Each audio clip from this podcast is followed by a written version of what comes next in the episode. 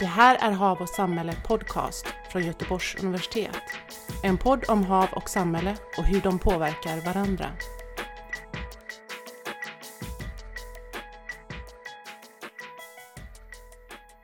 Great. 12.05, I will start.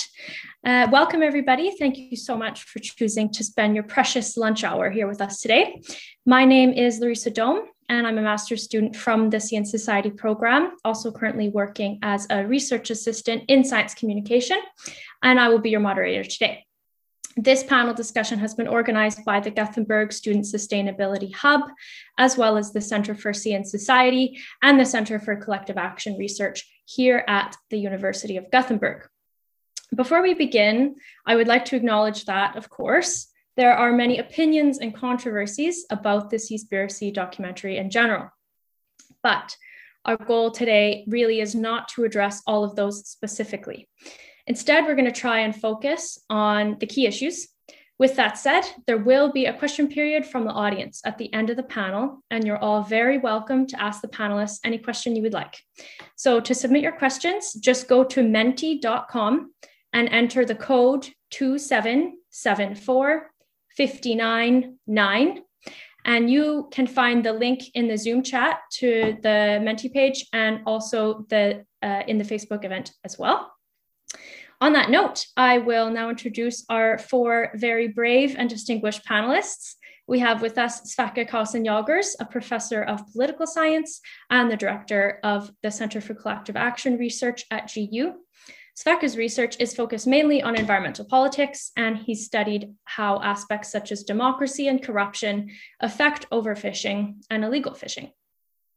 We're also joined by Friederike Ziegler, who is a senior scientist in the Unit for Sustainable Consumption and Production at RISE, the Research Institutes of Sweden. Friederike researches the sustainability of seafood from sea to table, both from Sweden and abroad, and she has studied the eco-labeling of seafood as well. Next up, we have Kiru Scotcher. Kiru is a postdoctoral fellow of ocean governance at the School of Business, Economics, and Law here at GU.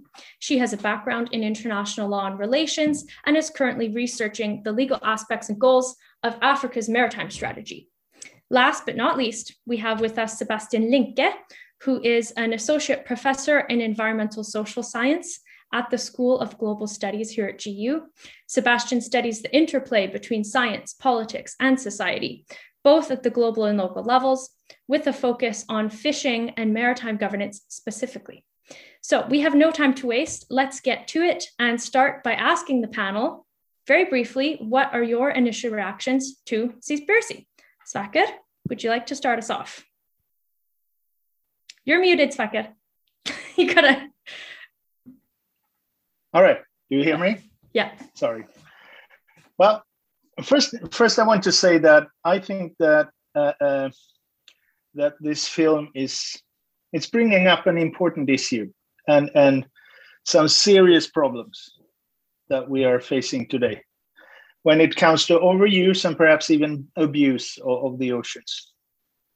So currently, humans are pushing our oceans and waters to their limits which is not sustainable now and definitely not in the longer run. Having said that, I think that this film uh, is potentially doing more harm than good. Um, because I don't think that it will, it doesn't fill any purposes for those who are already convinced. They have bought into this anyway. And among those who are hesitant, uh, who are uh, uh, skeptical or not yet convinced. I'm not sure that that the that the film will sort of change change anything. Rather, the contrary, make make people even more skeptical. And the reason for this are several, but one is for sure the sort of technique and methodology of of uh, uh, framing framing an issue and try to sell in an issue.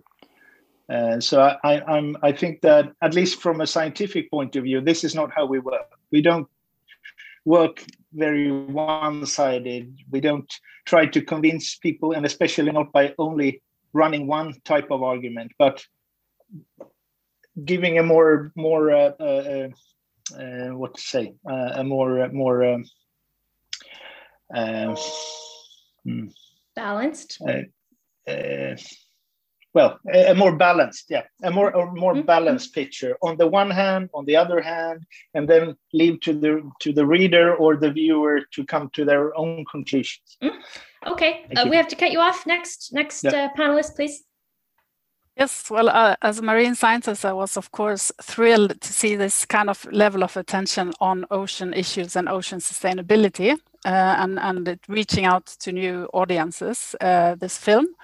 Um, but um, uh, quite soon I, understood that uh, uh, I learned about the film by uh, Christina Hicks, who is interviewed in the film uh, about subsidies.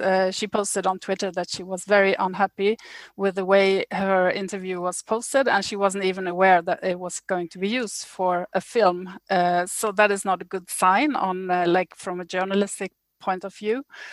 And um, yeah, and later when I watched it, I, ha- I have to say I'm quite surprised about the t- level of attention that it has gotten because there are uh, there are many things that are presented as new and uh, and uh, novel findings and uh, as kind of revelation in this film. But there are many other films, and there is a lot of science on each of these topics that they are wading through. Uh, so uh, it's it's not really uh, and and it's not a um, coincidence that they end up in the spots where they do with the shark finning and the whale hunting and so because these are known and very uh, visual uh, uh, things that are very attractive to show in a film where you want to to describe the negative sides of yeah fisheries and, and marine conservation. Um, but um, and and uh, not the least also the slavery issues. And the the, the slavery issue was maybe the part that uh, upset me the most uh, because it's it's uh, was discovered by uh, investigative journalists of the Guardian uh, 10 years ago I think in some very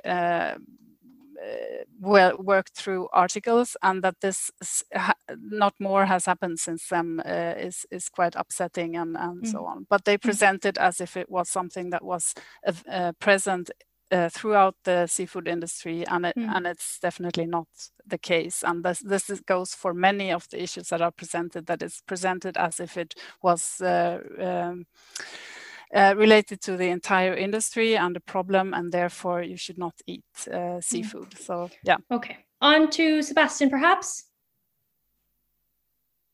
Unmuted. Yes. Thank you very much. Um, yeah, uh, very honestly, in maybe same lines as Sverker, I was a bit dubious.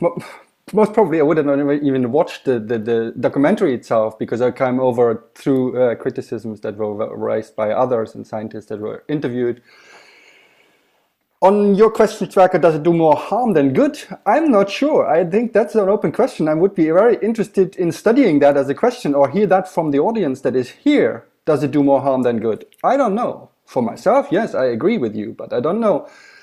The general public are not scientists like we. Um, having said that, I think a very good thing with that is that we are here and discussing these issues. So that to highlight a good thing with this uh, documentary. That's, I think, very important. And there are, the, the, the issues raised are important and huge problems with the ecosystems. And for me, primarily with the ways that they are governed. And that I see, I, sort of, there was a lot of criticism about misrepresenting science, unethical interviews, etc.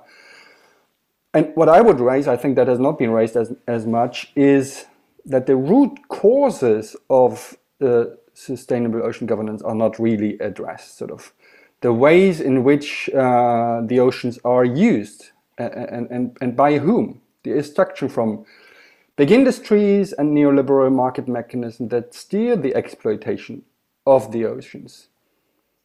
Okay. Very... To the devastating consequences that we all know for decades now. And I think that's an important issue to address. Mm-hmm. Next, over to Kiru. Get the last on this question. Yes, uh, I agree that this documentary conveys a commendable sense of urgency in addressing a key problem in our natural world. However, in this urgency, I think there are missed opportunities to engage and link some core concerns that can lead to meaningful change. So, to summarize, really, um, in addition to what my colleagues have added, I think that this documentary simplifies an issue that is sectoral, industrial or small scale fisheries. It's a really 50 50 split in terms of contributions to the industry. It simplifies an issue that is zonal, within national jurisdiction or outside national jurisdiction.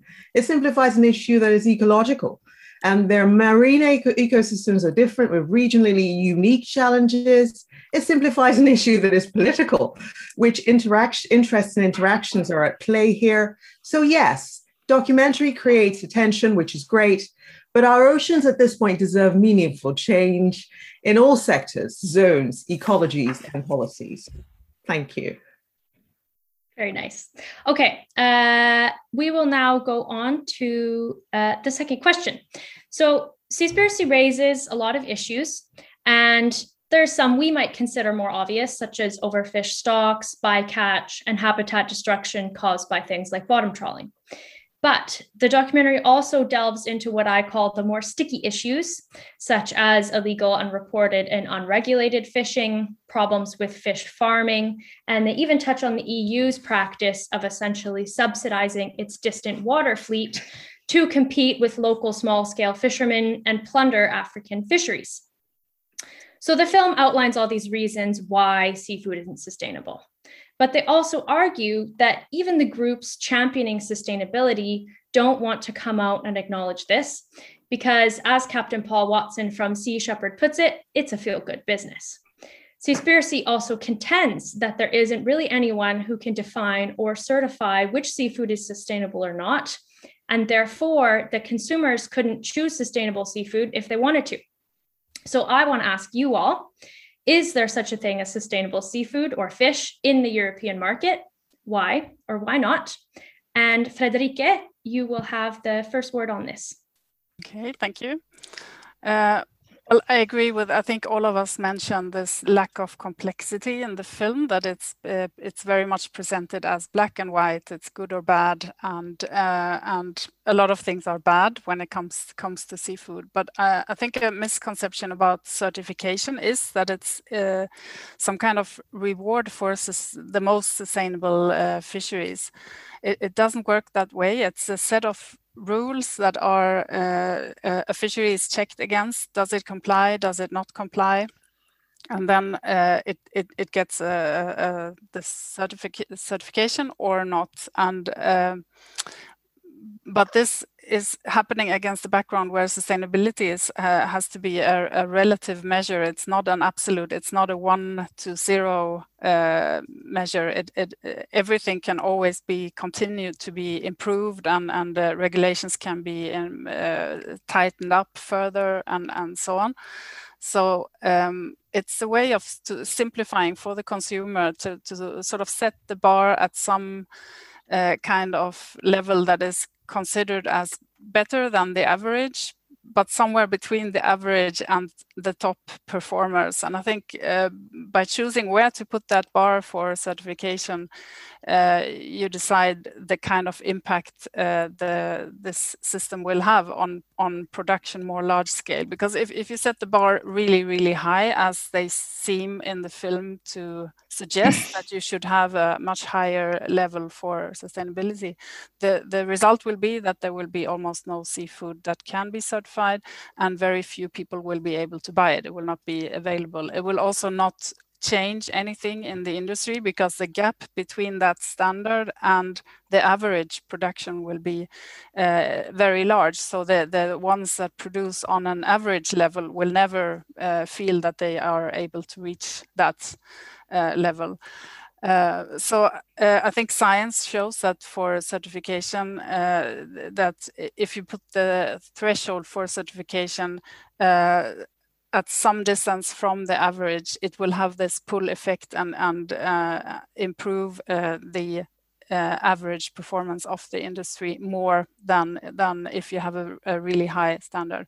But you have to understand it as that. It's not uh, advocating that this is a perfect uh, um, perfect product. And uh, there are certainly, uh, the, you, you can have lots of opinions and all of these certification standards can be improved in terms of what they include, how they work, the process, uh, how they work with stakeholders, how um, the cost for um, for certification. A lot of these things are problematic, but I think uh, the way uh, they stated in the film that the, there is no such thing as sustainable seafood, I think that's dangerous because we do have to try to separate the better from the from the worst options because they are definitely there the the, the bad options uh, illegal fisheries and and uh, and, and so on, the slavery and, and the, all of these issues need to be assessed so that someone, uh,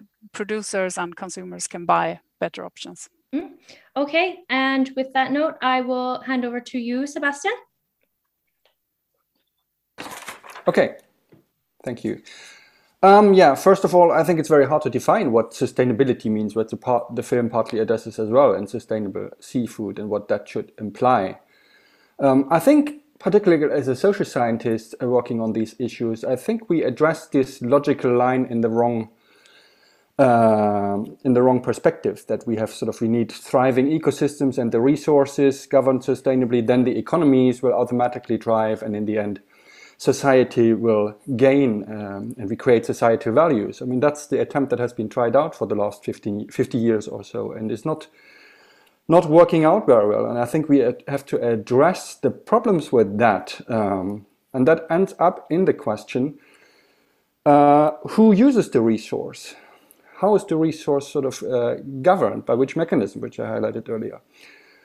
And I think that's a governance issue that social scientists need to address with focus on social justice, legitimacy, and power, and so on. And it's very difficult to make our voice heard uh, on the policy side.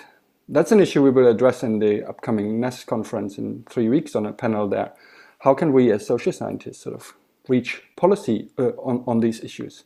Because there are policies in place taking care of the social issues like the FAO guidelines for small-scale fisheries, the SDGs, and national policies in Sweden highlighting the importance of coastal fisheries and socio-economic value of communities and so on. But in practice, we don't see that happening. So, and just uh, to your IUU uh, issue, I think there has been a lot of progress actually done in Thailand and the role of the EU with the negotiations between EU and Thailand that the film does not raise. And uh, I think that would be an important issue as well to put the finger on the role of actors and accountability and responsibility for global seafood and the, the, the, role of the EU.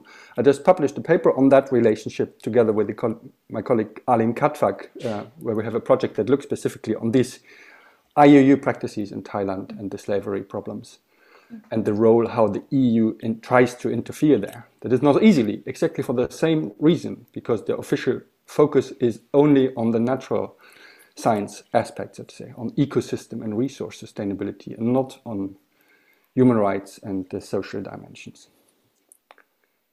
Kiru, you have maybe some words on this. Yes, uh, thank you, Frederica, for the point on certification. I think that's really important. And yes, of course, there is such a thing as sustainable seafood in the EU market. Um, uh, can we please also remind ourselves that fish is a renewable resource? It can be it can be sustainable if its exploitation is carried out without compromising its renewability and its relationship with the environment at large. Um, the EU, think about sustainability. I like to think about it as a multiple pronged fork. And of course, the certification aspect, which my colleague talked about, is one aspect of it. But there is direct regulation. So here, the idea is to influence states and consequently fishers' behavior through rules and regulations that are aimed at stopping overfishing and depleting stock. And this is where we have the EU control regulations the EU IUU fishing regulations, and of course, the external fleet regulations. There are also trade based measures. So the EU is a major importer, and so it puts forward requirements that states have to consider in order to trade with it. So requiring the catches are, are traceable from vessel to port, data collection and reporting requirements. This is really where it's force as, as a market comes into play. But the EU looks beyond regulation and trade towards a full range of marine biodiversity. And so here issues like underwater noise, marine litter, human induced pollution are addressed under its uh, strategy framework directive. And I think all these prongs need to work well together. And so while some seafood and fish in the EU market is sustainable, not all are. But this is more needs to be done, yes. Member states need to step up their game and take the lead and have more ambitious and proactive measures in place. But the EU can only go so far. Its collective effectiveness depends on its member states working together. And so this is why it's not so simple to say point to a thing and say that's sustainable and that's sustainability. It's a multiple um, pronged issue that needs to be addressed as such. And I happen to know Sverker has a lot of knowledge on this keyword collective. So maybe he's going to jump in here on that aspect. Well, I, am not sure I will because um, I think that previous speakers have, have said basically most of what is needed to be said here, and not the least emphasizing the complexity of the sustainability concept. The, the fact that uh, sort of both things that would sort of improve the the the, the current fish stocks are are present there uh, as well as various activities and goals that can obviously threaten these the same fish stocks. So so the complexity of of what sustainability is means is uh, yeah the concept is is problematic in a statement like saying that there is or there is no sustainable fisheries in the European market. Having said that, I mean, there, are obvious problems uh, with much of the fisheries conducted within the EU waters, as well as uh, EU fishing fleets outside the, the, the fishing waters or, or the, the our fishing uh, areas. Uh, so currently there are numerous of unsustainable products, I'm sure. Uh, but that is not to say that there aren't that there aren't any sustainable ones, and especially as implied here before, it's not to say that this must be the case for all eternity. So there are a lot of, of the, well, it's a, it's a lot of fish markets and fishing areas that have improved over time and and there is potential to improve those more and improve those who are not in a good shape today. So so uh, I think I agree with uh, Sebastian that this boils down to to numerous of governance issues that uh, basically basically are about how to to uh, to make fishermen and other actors related to fishery cooperating in regard to to the fish stocks that are out there. Um, and uh, I think we we might come back to to more solution oriented questions later on and and i can expand on that more then. Thank you. Mm-hmm. okay uh, so so to summarize if i'm getting the gist here.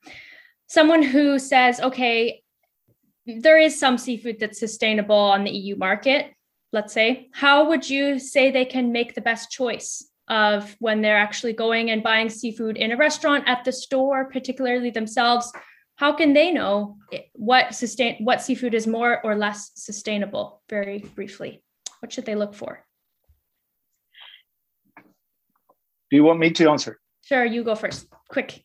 Well, well I, yes uh, i think it's it's challenging to to be a, a, a sort of ethical consumer today uh, if you want to buy fish. And and uh, mm.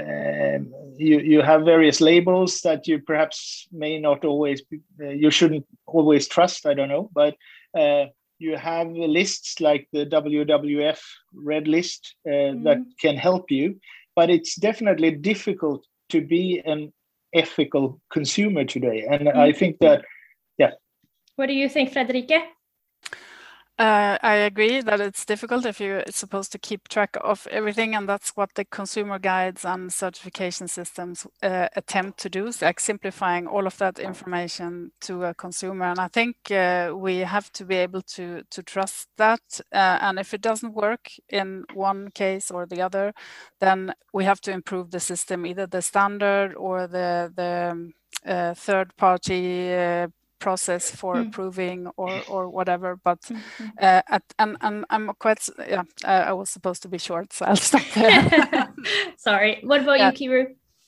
buy local yeah buy local go sure. go down to the find the family by the seaside that goes off to get fish and buy from them if you can i also know that this is very much a privileged position and a privileged um, mm. answer Mm. I agree with that if if the uh, local stock is well managed, but it's not always the best option. The... Mm, mm, mm, mm. Maybe it's not the best option, but it hasn't reached fisheries to buy local as it has reached agriculture. I have a mm-hmm. uh, doctoral student, Victor Westerberg, who works exactly on this issue, how that can be brought from agri agriculture to, to fisheries, where we don't look where the fish is coming from and all eat the Norwegian salmon. Mm. I completely agree with you in Cairo, that there can be such thing as uh, sustainable seafood if the exploitation and marketization um, is governed in the right way. And I think certification can be part of that. Mm. Very good. Thank you for for attempting to answer my difficult question very quickly. That's nice. Okay, and now we will move on to the last question. So, at the end of Seaspiracy, Ali realizes that the best thing he could do to help the ocean and protect marine life uh, is to stop eating it. And his realization is prefaced with the argument that even if you do consider some seafood to be ecologically sustainable, eating it is still unethical. So, this is illustrated by accounts from various experts on how fish feel pain, experience fear, and perhaps have some kind of social life. Aside from these arguments, the documentary also calls fish farming wild fishing in disguise, since farmed fish are largely being fed with wild caught fish. So, the documentary's main solution, veganism, can be argued from different angles. But here it really boils down to if overfishing is the biggest problem for the ocean, then the solution is to stop supporting it. And thus, my last question is what solutions do you see for addressing the main problems raised in Seaspiracy? Kiru, I will give you the first word on this. Right. As someone who doesn't eat fish, I feel like, but I must state this. Um, it's just per, it's for personal and taste reasons and others. But it, I think it's simply not possible for vast amounts of people to adopt veganism as an option. A recent study in some developing states in, in Africa showed how much of these communities depend on the fishing industry, not just for food, and we're talking over 50% here, but for employment. And most of these are women in small scale fishing processing. And in some of these places, interest in fishing has actually surpassed farming. Now, with ve- veganism, also would see more pressure on the terrestrial ecosystem and land, which will all make its way down to water. Remember, I highlighted earlier about one of the main pressures in the EU waters is human induced pollution.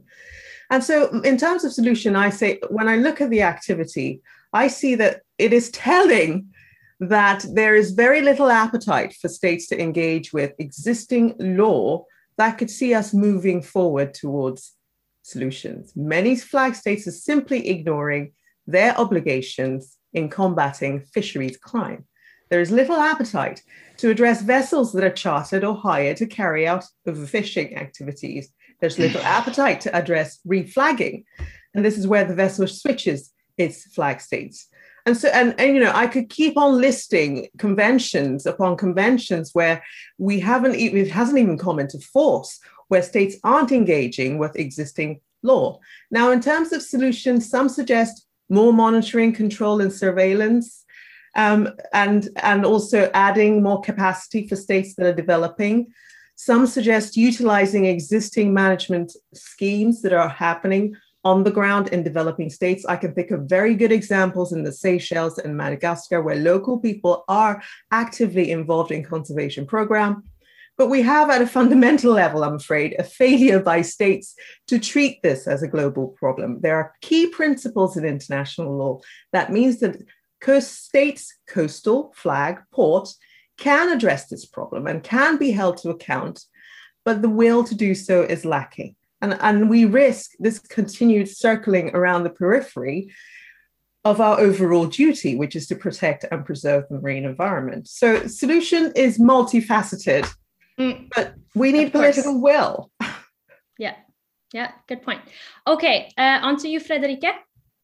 Thanks. Yeah, where to start with that question? Uh, I'll start with aquaculture because uh, the way it's it's treated in this uh, film, it shows salmon aquaculture, which is less than 10% of global aquaculture.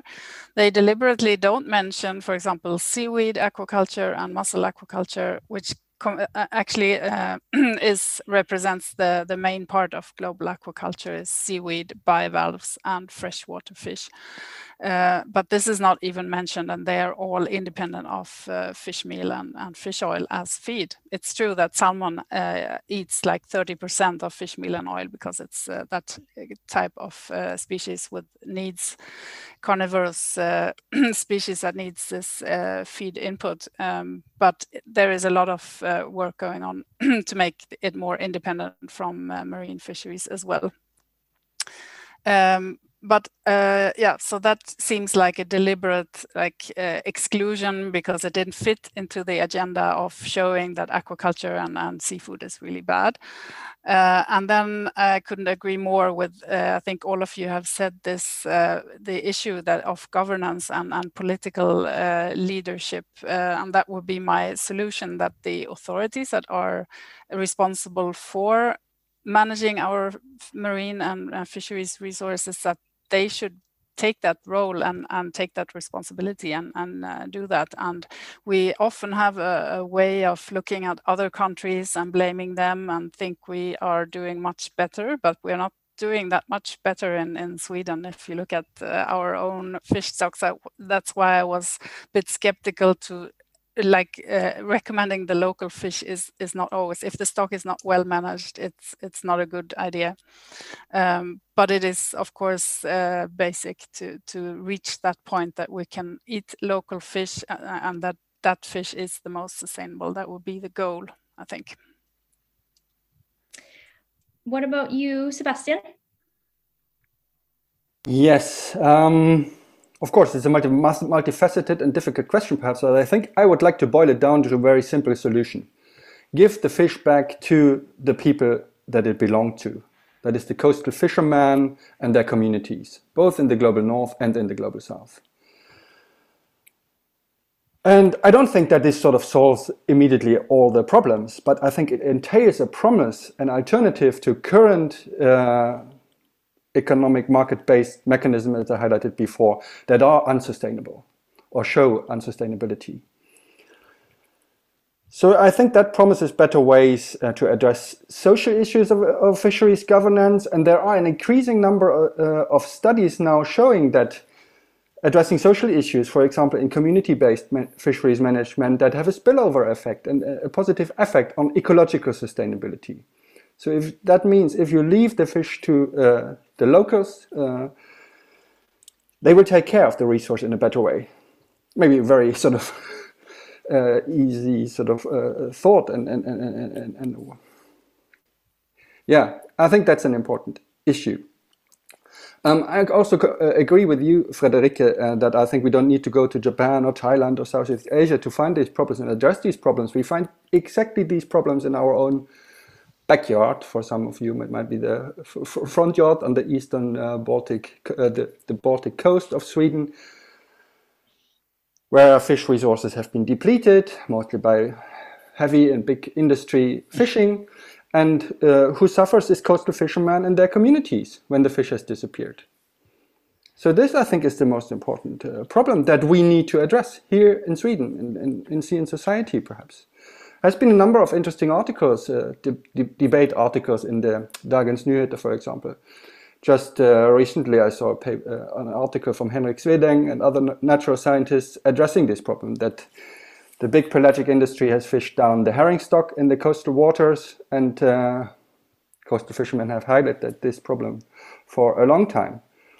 The article is entitled Värna kustmiljön, inte storskalig fiskeindustri. And I could Okay. completely subscribe with what they say, but I would add the community perspective because they say for the coastal uh, ecosystems, but who suffers is the coastal fishermen and their communities. I think that's important to highlight.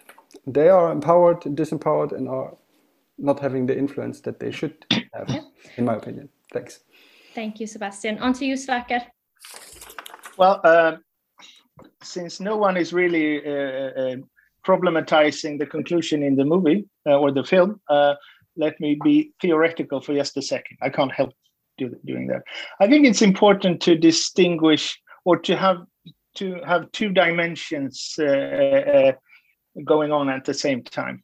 On the first hand, I think it's important to to distinguish whether nature has an intrinsic value or sort of uh, a value in itself, a bioethical perspective on this, or if uh, nature and in this case oceans and life in oceans has value for humans or not, anthropocentrism.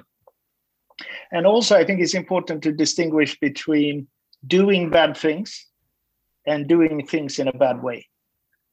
Now, if you have, if you're guided by a biocentric yardstick, uh, uh, most human use of the oceans is a bad thing, almost by definition, and consequently, also most use of the oceans is done in a bad way.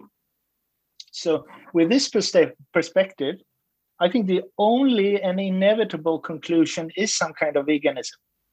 And I think this is sort of the, the point of departure for the one who wrote the, the, the film. Uh, he's he he starts from a bioethic point of, of uh, departure. Now, if you instead have an anthropocentric yardstick, then using the oceans is a good thing because it brings a lot of values to humans and society, not the least in developing countries where the protein from the oceans are very much needed, and we probably need to exploit and use the oceans even more. Uh, still, it can be concluded that some or even much of the use of the, the current use of, of uh, the oceans today is done in a bad way. And the solution to that problem, I don't think, is necessarily veganism, but it's it's more a, a different way of using the resources to be found in the oceans, and to do that in a sustainable way. Uh, so, uh, and then you come to to these various solutions or regulations, new policy instruments, and so forth. And and and I totally agree that unless these regulations are complied with, i.e., that they are properly monitored and sur- surveilled those who, who use the resources, it, it's it's pointless. I would therefore like to introduce a more innovative perspective on this. So, well, first of all, all bloody subsidies in the world on fuels and, and, and so forth should be removed immediately. And then the costs, the actual costs of the damage that we cause the oceans today should be reflected in the price. So that should not be directed necessarily to the fishermen, like most regulations are today, but to the consumers as well. So I would like to introduce a tuna tax, a very high tuna tax, or a crayfish tax, or whatever species we are concerned with. People who care for these uh, people who want to buy and eat these species should also pay the proper price for the products. Thank you. Yeah, as you can see from Kiru and I's reaction here, those of you watching the video, everybody liked that. The yes, this was good. So uh, very um, yes, good solutions. Anything more anyone wants to add here before we move on to audience questions? And audience, I remind you now, the number for the Menti questions is uh, uh, uh, let me scroll up two seven seven four 599. So you can put your questions in there. Of course, we have many in already. Uh, Friederike, I saw you raise your hand. Yeah, I was just thinking that the tax maybe should be uh, concerning all food, that maybe all food is too cheap and doesn't pay its environmental impacts. I mean, land, if we switch, if we don't eat seafood, we will eat uh, either vegetables or more meat or something else that will cause other impacts. And maybe we just mm -hmm. pay too little uh, for that. Mm. Or, or, or we would have a more balanced diet at least. yeah. Sebastian? Yeah, I mean, just on, on the veganism sort of uh, critique or as a proposed solution. I mean, this is, this is, has been raised in the critiques that this is a very hegemonical uh, perspective that when I think 3.2 billion people in the world depend on fish for protein sources in the global south mainly. Of course, we can stop eating fish, but they can't. So mm. this is a mm-hmm. very mm. global north uh, post-colonial yeah. perspective, yeah. I would say. Yeah, this is how, of course, we view the proposition of, of veganism in this film. I have seen debate in the public arena about who are they targeting that veganism message to, um, and you know, uh, I guess we should ask the filmmaker directly. Ali, are you there? Just kidding. Uh, Kiru. Just a little one. When we thought talked about tax, and I automatically thought of my uh, South Pacific Island states that are very dear to my heart. Seventy percent of the world's tuna, if not more, comes from these states' waters, and taxing it could really decimate their um, um, economy because most of their GDP is from there. So I, like Friederike says, tax everything. So these states really truly benefit from their resources, but we're not also just wiping out everything. Mm-hmm. Okay, we will move on to questions from the audience. Uh, I have one here, uh, which which uh, is quite good. It appears that the panelists generally agree that the issues raised in the film are well known or generally well known. I would like to challenge you. In what circles are you referring to for the issues to be well known? Are you really looking broad enough? Uh, so, so we may think that these issues are common sense, and perhaps the public's shock of, of finding these things out is an indication that this is not true. What do you, what do you think of this, Sebastian? Yeah, maybe that refers me to what I said earlier. It would be very interesting to ask this audience here, and this is not representative either of the of the general public. So it's important, and I think I think that also raises a very interesting question on what what is this media outlet about? Was it reaching its objective? This documentary. What is it actually aiming for? Mm. Is it aiming for that Gothenburg uh, scientists discuss it here, or, or, what is it aiming for? And, and, and sort of the huge success was very stunning for me, and also a bit disturbing and seeing, wow, is it maybe, and I, I raised the question, is it maybe these kinds of media outlets from Netflix documentaries that we will see in the future instead of more properly researched um, documentaries? Like, for example, there was this Baltic Media project from Folke Rydén and others that have followed problems in the Baltic Sea mm. that I already found quite tendentious and, and yeah. sensational, but it well, was much more closer to science. And I think that's important. It is a credibility issue for for science. And mm. I think that's important that the critique is raised in, in, in scientific circles everywhere. Mm. Can I add something? And this is from my personal experience. I don't want to add it as a researcher. I think that the whole story of traceability of food has been around for quite a while. And people have been talking about tracing food, making sure it's all local. You talked about this in the agriculture and farming sector. This was the thing. Is that not the case? Like, generally, there's been a whole debate about traceability. I certainly feel that my decision personally to, you know, the last time I had fish was I can't remember, a few decades ago, uh, off a Shetland archipelago by a local fisherman who said he just caught it that day. And I said, fine, I'll have some. But that, that was it. But that was because I thought, well, at least I know where he is and where he's got it from. And I know every, and he's talked to me about the industry and what he does for a living. But I shouldn't, I don't know, personally, the whole debate about traceability finding out where your food is coming from has been around for a while and mm. surely that translates to fish fish so you think that because this notion is around that that the public is somewhat informed about the issues of where their food comes from. Hmm. Exactly. Yeah, sure.